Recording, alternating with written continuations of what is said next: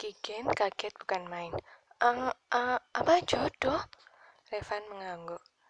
Kigen diam untuk beberapa saat, menunggu jika ternyata Revan membohonginya atau sekedar menipunya agar suasana tidak canggung. Tetapi ternyata Revan tidak berusaha untuk meralat ucapannya tadi. Prof. Gregory berusaha menjodohkan kita. Bingo! Kigen masih tidak percaya melihat Revan yang tenang-tenang saja. Bagaimana mungkin Revan bisa tenang untuk hal seperti ini? Tapi, tapi kenapa? Revan mengangkat kedua bahunya.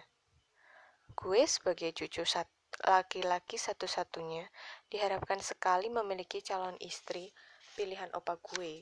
Dan gue pikir opa gue merasa bahwa lo adalah cewek yang tepat buat jadi jodoh cucunya. Kikian sudah tidak tahu harus berkata apa. What? Calon istri, jodoh, apa-apaan ini? Bahkan, ini keluar bukan dari mulut mama atau papa, tapi dari orang yang baru saja berkenalan dengan gue. Sudah cukup ia sering dipusingkan dengan pertanyaan mama atau bahkan tante anti mengenai pacarnya. Dan sekarang, cowok yang baru saja berkenalan dengannya bilang bahwa kakek si cowok alias dosennya ingin menjodohkan mereka berdua. Revan menoleh kepada Kiken. Jangan panik dulu, bahasa gampangnya sih, opa jadi mak jomblang kita. Jadi sebenarnya kita berdua bukan official dijodohkan kan? Riven mengangguk. Itu dia kenapa opa berusaha mengatur kita ketemu hari ini dan menyuruh gue untuk mengantar lo ke toko buku. Jadi, Pak Bona sebenarnya nggak telat.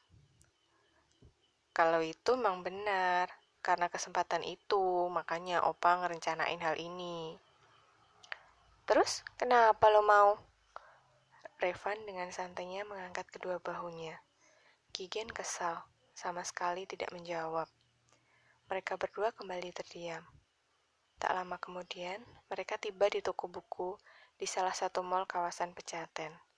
Setelah keluar dari mobil, mereka berdua langsung menuju toko buku. Saat masuk mall, Revan membukakan pintu agar Kigen masuk duluan. Saat menaiki eskalator, Revan memecah keheningan. Lo suka baca? Suka. Sama sukanya dengan makan dan tidur. Jawab Kigen asal tanpa melihat Revan. Lo nggak usah jadi salting gitu. Kalau lo mau protes, lo bisa langsung ngomong ke Opa. Kigen melotot. Siapa yang salting? Revan tidak menjawab. Kigen diam-diam merapalkan ejekan dan hinaan bagi cucu dosennya itu sambil komat kamit. Tiba di dalam toko buku tersebut, Kigen memberikan kertas yang ia genggam dari tadi kepada Rifan. Nih, judul bukunya. Kalau udah ketemu langsung ke kasir, biar kita cepat-cepat pergi dari sini. Revan mengambil secari kertas yang diberikan Kigen. Lo udah gak betah deket-deket sama gue ya? Gue gak mau jawab, Takut lo sakit hati? Kigen berbalik dan menuju rak buku dengan plat bertuliskan ekonomi. Sebentar kemudian Revan menyusul Kigen. Bukannya mencari, Revan malah berdiri menyandar dan menghadap Kigen. Kigen sama sekali tak menoleh ke arah Revan dan berusaha untuk mencari buku tersebut secepatnya.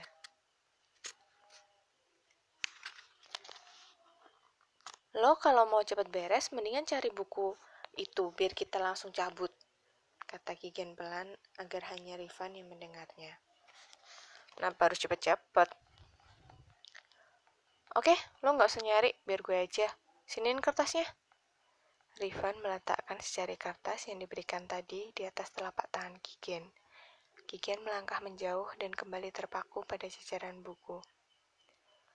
Lo boleh pergi duluan. Revan mengikutinya. Opa nyuruh gue nganterin lo nyari buku, dan setelah selesai langsung nganterin lo ke kantor. Gak perlu, gue bisa ke kantor sendiri. Lo bilang aja ke Prof. Gregory kalau tugas lo beres. Jadi, lo mau gue bohong? Lo keberatan? Kalau gitu, gue aja yang bohong, lo diem aja. Apa susahnya sih nurutin keinginan opa dulu untuk hari ini? Kalau lo nggak suka dijodohin, lo bisa lapor sama opa begitu lo selesai ngantor. Gampang kan? Gampang kalau lo bantuin gue nyari buku dan berhenti untuk ngisengin gue. Kikian berusaha menahan diri agar nada bicaranya tidak kasar. Gue udah nemuin buku itu dari tadi. Kikian melotot kepada Rifan. Ingin sekali ia mendamprat dan mencacinya dengan makian. Tapi ia mengingatkan dirinya sendiri bahwa cowok di hadapannya itu adalah cucu favorit sang dosen. Maka ia perlu untuk bersikap sesopan mungkin. Kikian menarik nafas dalam-dalam. Di mana bukunya? Rifan mengambil buku di rak sebelah dan memberikannya kepada Kikian. Tanpa bicara lagi, Kikian langsung berjalan ke kasir dan membayar buku tersebut. Ia berjalan ke eskalator, turun dan mempercepat langkahnya tanpa berkata apa pun kepada Rifan. Cowok itu hanya mengikutinya. Rifan merasa bahwa Kikian sudah emosi, jadi ia memilih untuk diam. Sesampainya di parkiran, Rifan sengaja memperlambat langkahnya agar saat Kikian sudah mencapai Hyundai City, City putihnya. Rifan ingin tahu sejauh mana Kikian bereaksi. Kikian menoleh kepada Rifan yang berjalan lambat. Kikian diam dan sekali lagi menarik nafas dalam-dalam. Rifan membuka mobilnya dan masuk ke dalamnya. Kikian menyusul masuk. Lo marah? Tanya Rifan kepada Kiken yang hanya memandang lurus ke depan. Beberapa detik tak ada yang bicara. Bisa berangkat sekarang? Kiken angkat bicara, tetapi masih tak melihat kepada lawan bicaranya itu. Rifan menyalakan mesin dan melaju kembali ke kawasan Kuningan. Selama di mobil, mereka hanya terdiam. Sampainya di kantor, Kiken melepas sabuk pengamannya dan mengucapkan terima kasih lirik, lirih tanpa memandang Rifan. Kigen berjalan cepat ke dalam kantor dan menuju lift. Menekan tombol 15 sambil berusaha bernafas dengan teratur. Ia harus membicarakan hal ini kepada Prof. Gregory setelah selesai kerja. Saat masuk ke ruang diskusi, seluruh anggota tim proyek yang lain sudah bekerja dengan timnya masing-masing. Kigen berjalan ke arah Prof. Gregory. Sudah ketemu bukunya? Tanya Prof. Gregory. Sudah, Prof. Ia menyerahkan bungkusan buku tersebut ke atas meja. Rifan mengantar sampai sini. Kikian mengangguk. Saya langsung bergabung dengan Pak Bona, Prof. Ditinggalkannya Prof. Gregory. Nggak macet di perjalanan? Tanya Pak Bona. Kikian menggeleng. Maaf Pak, saya jadi telat mulai. Nggak apa-apa, toh sudah izin kepada saya terlebih dulu. Kamu sudah membaca analisis yang saya kirim lewat email? Sudah, Pak. Pak Bona tersenyum lebar. Bagus, kalau gitu kita mulai pekerjaan kita. Butuh beberapa menit bagi Kikian untuk mengerti paparan dari Pak Bona mengenai keseluruhan analisis dari satu perusahaan. Lalu, ia mulai membaca contoh analisis dari Pak Bona yang telah ia cetak. Tim, tim proyek tersebut pun sibuk akan tugasnya masing-masing hingga akhirnya waktu menunjukkan pukul 19.30. Wah, sepertinya hari pertama begitu bersemangat sampai lupa waktu, ujar Prof. Gregory kepada seluruh tim proyek. Anggota tim lainnya menoleh kepada Prof. Gregory, lalu pada jam tangan mereka. Pekerjaan hari ini kita sudahi dulu, kalau karena kalau tidak, kita tidak ada pekerjaan untuk hari Selasa. Lanjut Prof. Gregory sambil tersenyum. Anggota yang lain tertawa kecil. Mereka membereskan pekerjaan dan bersiap untuk pulang. Kikian memasukkan netbooknya dan merapikan alat tulisnya. Ia menunggu hingga rekan yang lain beranjak dari ruangan itu. Ia perlu berbicara kepada Prof. Gregory mengenai cucu favoritnya. Seperti Kigen, Prof. Gregory memperlambat gerakannya. Setelah hanya mereka berdua di ruangan, Kigen mendekati Prof. Gregory agak bimbang harus memulai dari mana. Gigian tak langsung bicara. Saya rasa Revan sudah cerita tentang niat saya hari ini. Tanya Prof. Gregory. Gigian mengangguk, lalu terdiam lagi. Saya minta maaf karena saya lancang melakukannya tanpa memberitahu kamu terlebih dahulu. Saya juga tidak bermaksud untuk bersikap nggak sopan, Prof. Tapi mungkin niat profesor itu nggak usah dilanjutkan lagi. Kikin berusaha nadanya sesopan mungkin. Prof. Gregory memandang Kikin lalu menunduk. Kamu adalah mahasiswi favorit saya. Wajah Prof. Gregory yang terlihat sedikit sedih. Saya tahu kamu adalah perempuan yang luar biasa.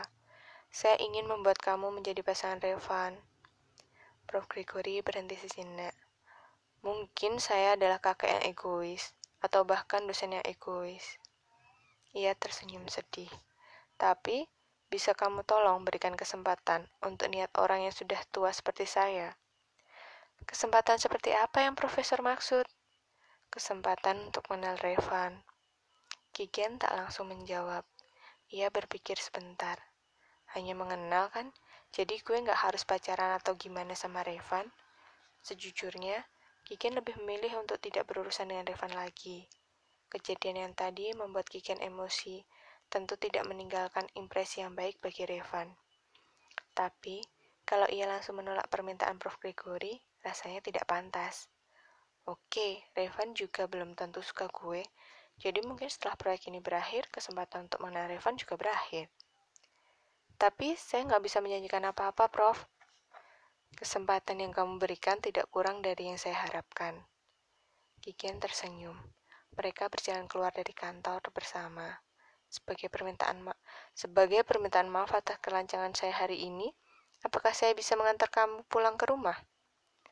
Nggak perlu repot-repot, Prof. Saya bisa pulang sendiri, belum begitu malam. Oke, kalau begitu. Hati-hati, Kigen. Kigen berjalan menuju shelter busway di depan kantornya. Hari ini ia benar-benar mengalami emosi yang bervariasi, tidak seperti hari-hari biasa yang ia lewati. Ia berharap besok-besok ia tidak perlu seemosi hari ini. Hawa Jakarta yang hari itu sungguh terik melelehkan keringat Kigen dan Tara yang tengah berlindung di bawah pohon di taman kampusnya. Tumpukan buku tebal di dekat mereka pun menjadi hangat akibat suhu udara yang tinggi. Tetapi Kigen dan Tara bertahan karena ingin menghirup udara luar. Mereka lebih suka itu dibandingkan menghirup udara yang dihasilkan mesin pendingin di dalam kampusnya. Kigen sedang bercerita kepada Tara mengenai harinya kemarin. Dijodohin? Seru Tara. Kigen otomatis menutup mulut Tara dengan tangannya. Nggak perlu diumumin satu kampus juga kali, Tar. Tara mengibaskan tangan Kiken dari mulutnya. Lo kira gue gak bakal kaget denger lo didodohin sama dosen kita sendiri? Apa gue boleh menyelesaikan cerita gue dulu sampai selesai? Ia sedikit terganggu dengan sikap Tara. Oke, okay, my fault. Go on. Kigen melanjutkan ceritanya, hingga percakapannya dengan Prof. Gregory sehabis kerja. Tara tidak langsung merespon.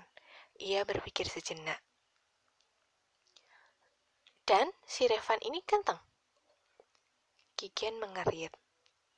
Hanya ini yang terlintas di benak lo untuk ditanyakan pertama kali. Jawab aja, karena pertanyaan gue yang lain mengantri. He's a kinda good looking. Tapi dia menyebalkan. Lo suka? What? Dari penampilannya dan sifatnya itu, lo suka nggak? Kikian mengangkat kedua bahunya. Seenggaknya lo bisa tahan kan sama dia setelah kerjaan lo beres? Kikian mengangguk. Kalau gue nggak tahan, gue bakal langsung tolak permintaan Prof. Gregory. Kalau ternyata pada akhirnya lo naksir dia dan dia naksir dia nggak, gimana? Kayaknya nggak akan. Oke, kalau ternyata dia yang naksir dan lo nggak, gimana? Stop this kalau game tar, kita nggak lagi berandai-andai, dan Revan itu nggak mungkin suka sama gue. Emang apa salahmu? You're beautiful, Kigen. Very. Kigen tersenyum. Thank you. Lo nggak ngasih tau nyokap lo? Kigen langsung menggeleng. No way, dia bakal histeris. Dan bayangan terburuk gue adalah mama bakal histeris kesenangan. Karena ternyata ada orang yang sebegitu pedulinya sama gue untuk mencarikan jodoh buat gue. Tara tertawa. Gue bisa bayangin, bahkan lo nggak cerita ke Kak Ivon. Mungkin mungkin nanti. Tara mesem-mesem. Jadi, kapan rencana dating lo sama Revan? Eh, gue sama dia nggak pacaran. Oke, kalau gitu ketemuan lagi kapan? Entahlah, gue juga nggak tahu. Mungkin besok Prof. Gregory bakal ngasih tahu gue. Tara mengangguk-angguk. Meskipun gue belum ketemu makhluk yang namanya Revan ini, tapi kelihatannya dia baik dan gue berharap lo sama dia bakal jadian. Kenapa? Nggak tahu, cuma gue pengen aja lo bisa ketemu sama cowok yang bikin lo jatuh cinta. Tara terdiam sejenak. Di saat gue gonta-ganti cowok, lo tetap single. Maksud gue, pengen banget gue bisa double date sama lo dan gak bikin lo jadi obat nyamuk terus. Kigen terkokoh, terkekeh. Don't pity me, I'm single, I'm happy, and I'm very very happy. Ya, gue percaya. Keduanya tersenyum. Kigen merasa hidupnya baik-baik saja tanpa adanya pacar, dan ia juga tidak memusingkan hal itu karena masih banyak hal lain yang perlu ia pikirkan dan selesaikan. Punya sahabat sebaik Tara sudah lebih dari cukup. Gue juga baru sadar kenapa Prof. Gregory nanya ke gue apakah lo udah punya pacar apa belum. Kata Tara. Lo ingat? Kikian mengangguk. Mungkin dari awal sebenarnya Prof. Gregory udah ngincar lo. Tara tertawa. Coba kalau gue belum punya Tristan, mungkin gue kali ya yang ditawarin kerja dan jodoh-jodohan itu. Kigen tak tahan. Ia menonyor kepala Tara. Hari ini Selasa, artinya hari kerja sambilan Kigen. Tara dan Kigen sedang mengemil di kantin dekat kampusnya. Lo udah mau berangkat? Tanya Tara. Kikin menghabiskan es buahnya dan mengangguk kepada Tara sebagai jawaban. Tara melihat jam tangannya. Tapi kan baru jam 3 kurang, masa gue ditinggal sendiri lagi di kantin? Gue juga nggak tahu, tapi gue udah diminta pergi. Gue duluan ya, Tar. Bye. Kigen melambai, lalu berlalu dari hadapan Tara yang bahkan belum sempat membalas lambaian tangan Kigen. Berjalan cepat, Kigen menuju parkir sebelah taman kampus Fakultas Ekonomi. Yang ditemuinya ternyata pemandangan yang sama, seperti Kigen lihat dua hari yang lalu. Rifan dan kakeknya. Kigen mulai berjalan melambat. Ia tak mau tidak mau memandang Rifan. Ia hanya memandang Prof. Gregory yang tersenyum lebar kepadanya. Hei Kigen, baru dari kantin ya? Tanya Prof. Gregory ramah. Kigen tersenyum. Iya, Prof. Saya minta Rifan untuk mengantar kamu ke kantor. Sebetulnya, kalian bisa makan di kafe. Tapi karena kamu baru saja dari kantin, mungkin kalian bisa jalan-jalan sebentar ke tempat yang kalian suka. Gimana? Kikian melirik kepada Revan yang dari tadi memandangnya, tidak mungkin menolak. Oke, Prof. Jangan diajak terlalu diajak jalan terlalu lama, Van. Kikian harus tepat waktu sampai di kantor. Ia menepuk pundak Revan. Hati-hati ya. Kikian dan Rifan berdiri di tempat mereka dan terdiam beberapa saat. Lo udah kenyang? Tanya Rifan memecah keheningan. Lumayan. Tadi makan apa di kantin? Kikian menjawabnya pertanyaan Rifan dengan sopan. Es buah? Rifan mengangguk. Masih sanggup buat cemilan? Gue tahu tempat pancake yang enak yang gak begitu jauh dari kantor. Gimana? Kiken mengangguk. Boleh? Keduanya masuk ke dalam mobil. Jadi, gue rasa sekarang kita bakal ketemu berkala. Kita Kiken setelah mereka melaju keluar dari kawasan kampus. Bisa dibilang begitu. Opa gue bilang kalau lo gak keberatan untuk ketemuan sama gue dan gak menjanjikan apa-apa juga sama Opa. Jadi, Opa minta gue untuk antar jemput lo selama lo kerja di kantor, dan mungkin sesekali ketemu di weekend. Antar jemput? Ketemu di weekend? Iya, tiap Selasa dan Kamis gue bakal jemput lo ke kampus dan nganterin lo pulang ke rumah. Dan di weekend kita bisa jalan-jalan, whatever. Gigen merasa ia salah dengar, tapi jelas-jelas tiap kata itu keluar dari mulut cowok yang dengan tenangnya menyetir di sampingnya. Gue gak perlu diantar jemput, gue masih bisa pulang sendiri. Dan weekend, kita kan gak pacaran. Itulah yang dimaksud Opa untuk kesempatan mengenal gue. Menurut lo, kalau dia gak mengatur hal ini, ada jaminan kita bakal ketemuan. Dan betul status kita bukan pacaran. Terus menghabiskan weekend bersama itu apa? Anggap aja kita dalam proses pendekatan. Yang kita berdua tahu, ini bukan kehendak kita. Kigen menarik nafas dalam-dalam, berusaha untuk tidak lepas kendali. Jadi, kenapa lo mau ngelakuin ini? Rifan menoleh. Lo pengen tahu kenapa gue setuju-setuju aja sama permintaan Opa? Iya, apalagi? Kiken berusaha keras mengatur agar nadanya tidak terkesan menyebalkan. Karena ini permintaan Opa. Setelah memberi jawaban itu, Revan diam. Kiken melihat cowok ini. Menunggu. Setelah beberapa saat, Revan sadar bahwa jawabannya tidak cukup jelas. Sorry, maksud gue, meskipun gue baru kenal lo, tapi Opa pasti merasa bahwa lo ini orang yang luar biasa. Makanya Opa berusaha untuk mengenalkan kita.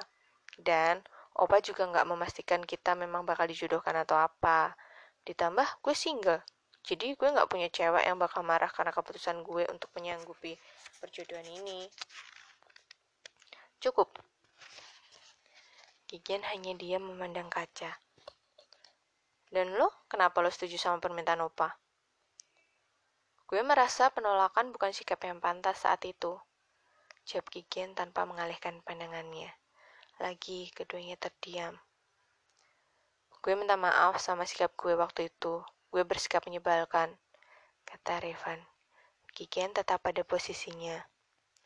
Lo emang menyebalkan, tapi gue juga minta maaf karena emosi sama lo. Revan tersenyum. Oke, awal yang baik untuk kita hari ini. Keduanya sampai di salah satu mall yang khusus menyajikan kuliner dekat kantor. Mereka berdua berjalan menuju tempat makan di lantai dua. Kafe tersebut sangat menarik dengan dekorasinya rumahan yang sangat nyaman. Rifan dan Kikian memilih tempat dengan dekat dengan sofa kecil berhadapan. Lo mau pesan waffle atau pancake? Tanya Rifan setelah mendapatkan menu dari pramusaji. Yang porsinya lebih sedikit yang mana? Gue masih agak kenyang. Jawab Kikin. Pancake, kata Revan. Mau yang mana? Kikin memandang menu di tangannya. Green tea pancake? Saya pesan milk fruit waffle with maple, kata Revan kepada pramusaji. Minumnya? Hot lemon tea. Oke, hot lemon tea pesan dua ya, Revan dan Kikian menyerahkan menu kepada si pramusaji.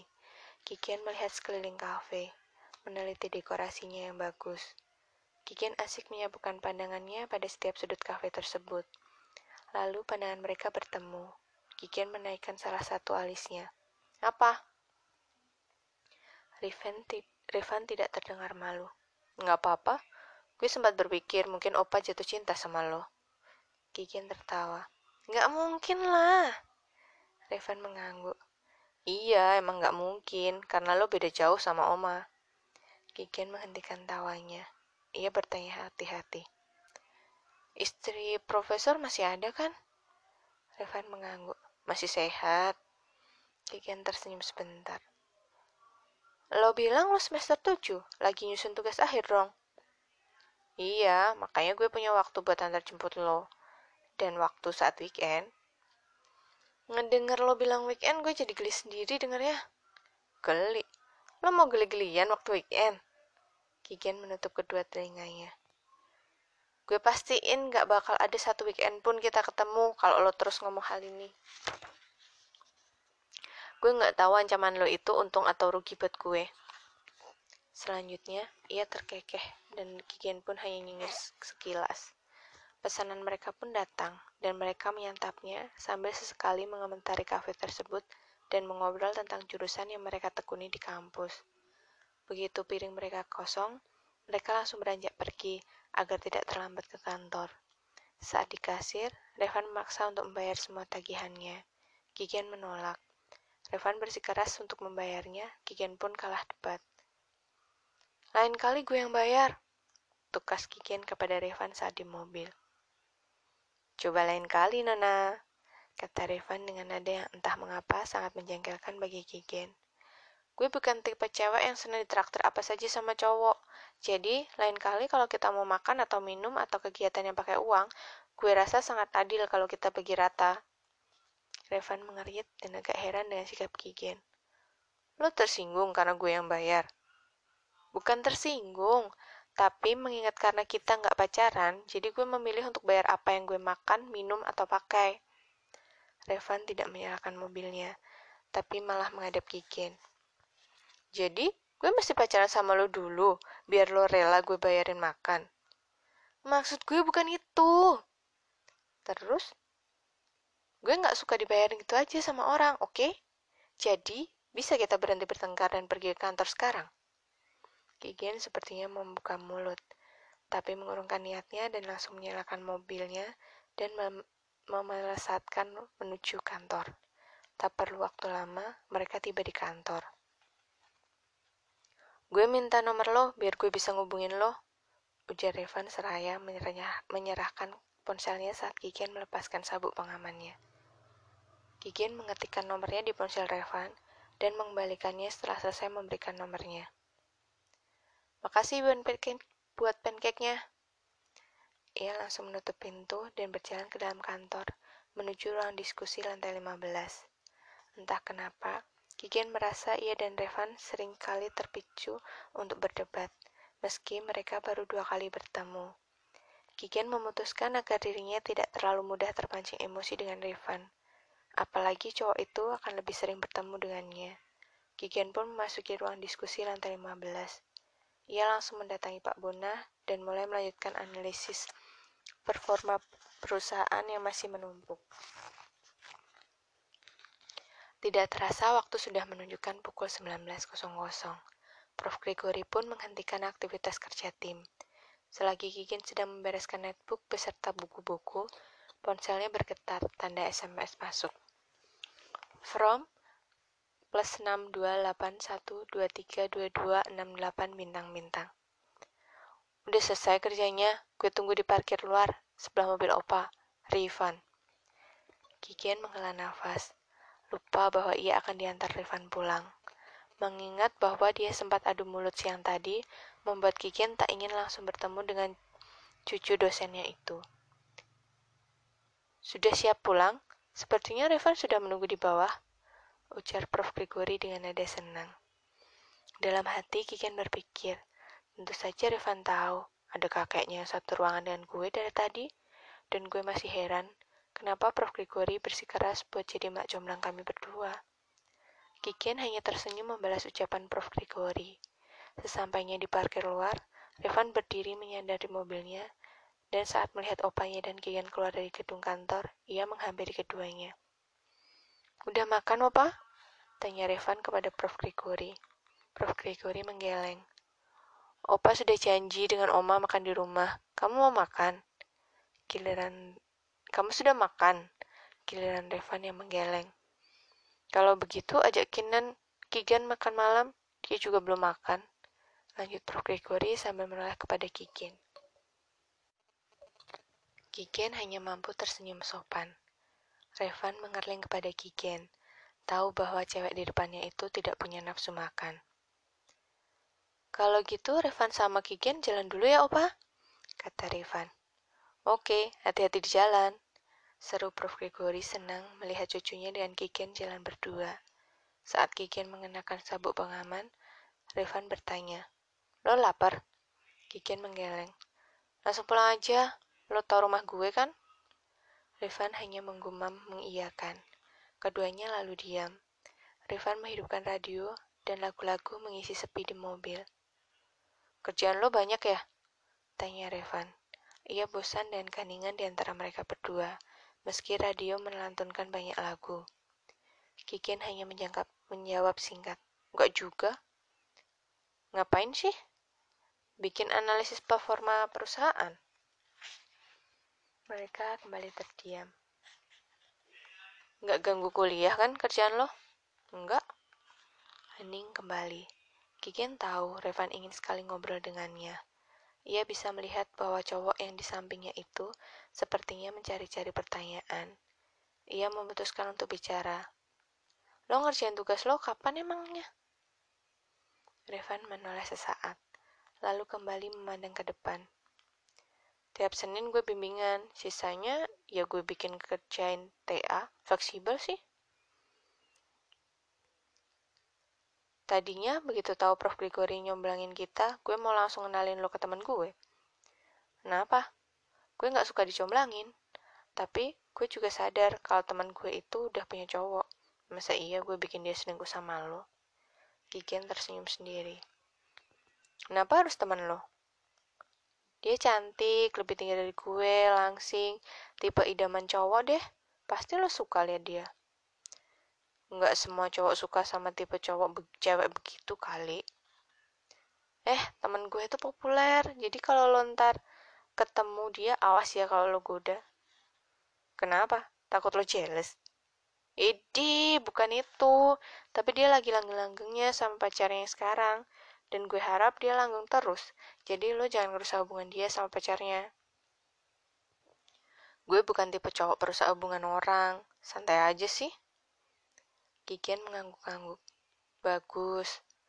Beberapa saat yang terdengar hanya lagu dari radio. Lo bilang tadi lo gak suka dicomblangin. Emang lo sering dicomblangin? Tanya Revan. Kiken diam sejenak sebelum menjawab.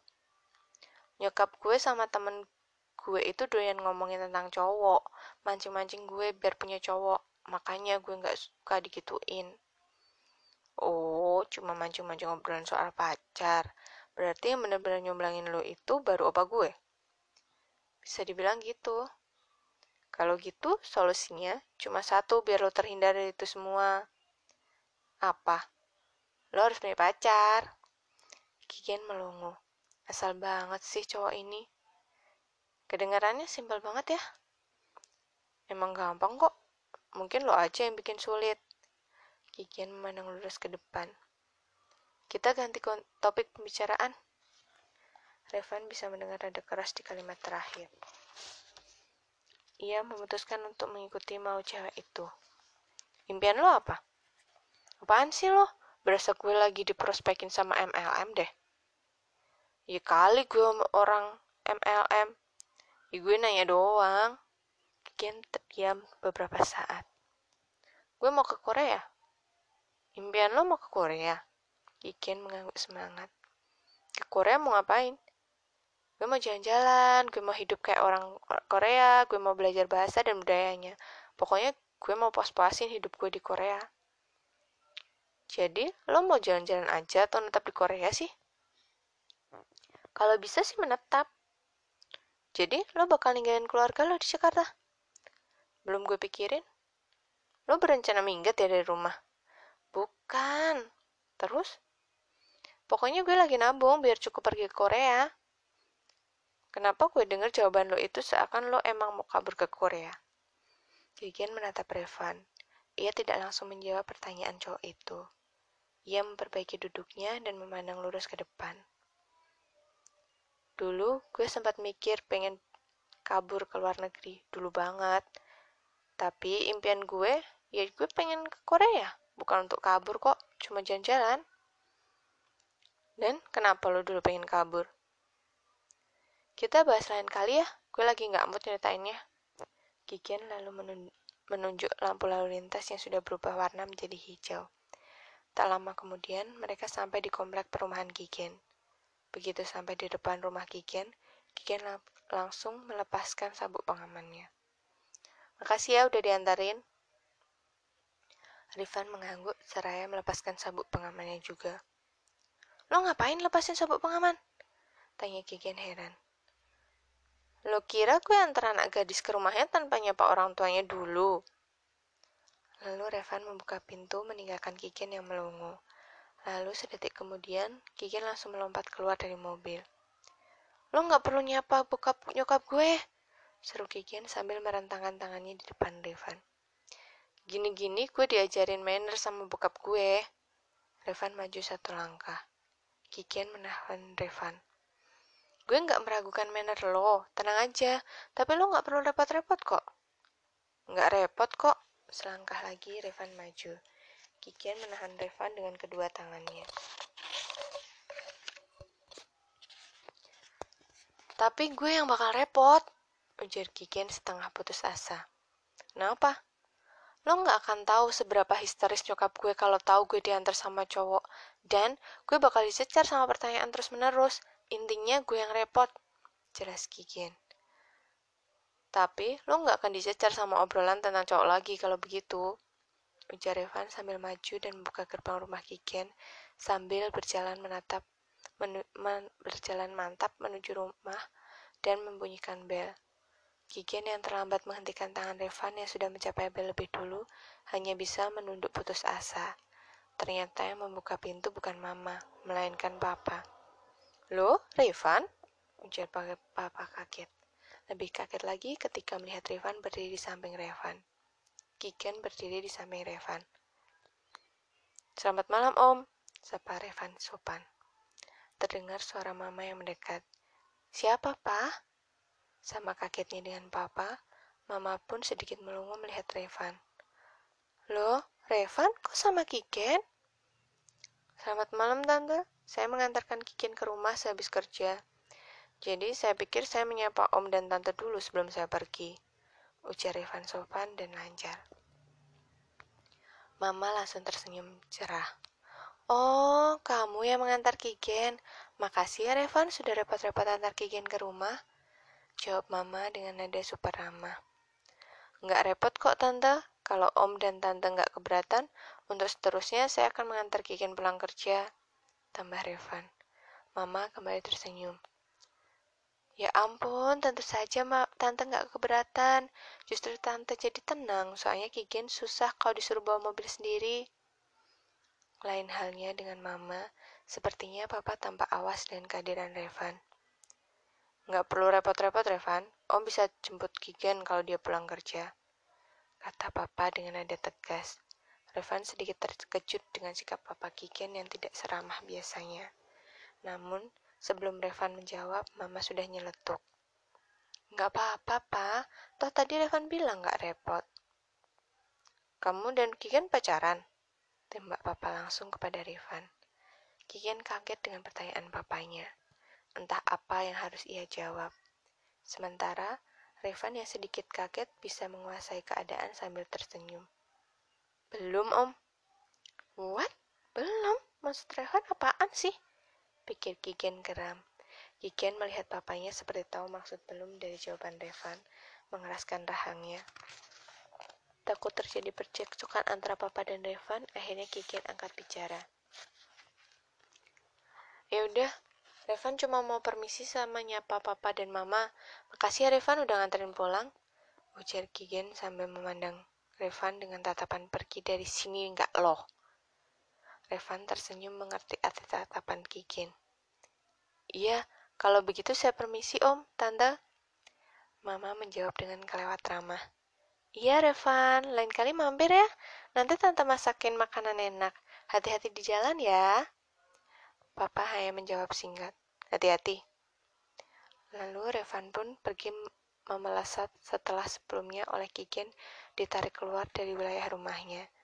Kini Kigen harus menghadapi ocehan mamanya yang tentu saja bukan main senangnya. Akhirnya ada cowok yang mampir mengantar dirinya. Papa sudah tidak berdiri di pintu, tetapi duduk menunduk membaca koran.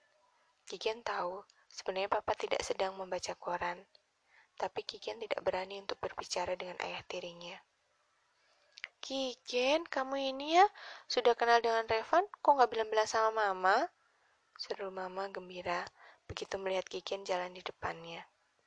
Kigen sudah siap-siap mengatakan karangan ceritanya agar mama tidak berpikir yang macam-macam bahwa ia dan Revan ada sesuatu. Aku juga baru dikenalin, karena Prof. Grigori nggak enak udah kasih kerjaan sama aku. Jadinya dia minta tolong cucunya untuk ngantar aku. Lagian, Revan itu juga katanya banyak waktu senggang. Jelas Kigen dengan nada tenang. Dia udah punya pacar belum? Sopan sekali dia, mama dari dulu seneng deh kalau ketemu dia.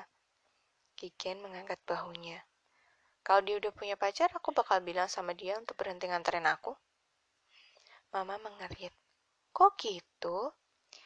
Ya iyalah, Ma. Masa mama mau aku ngerusak hubungan orang hanya biar aku selamat nyampe rumah?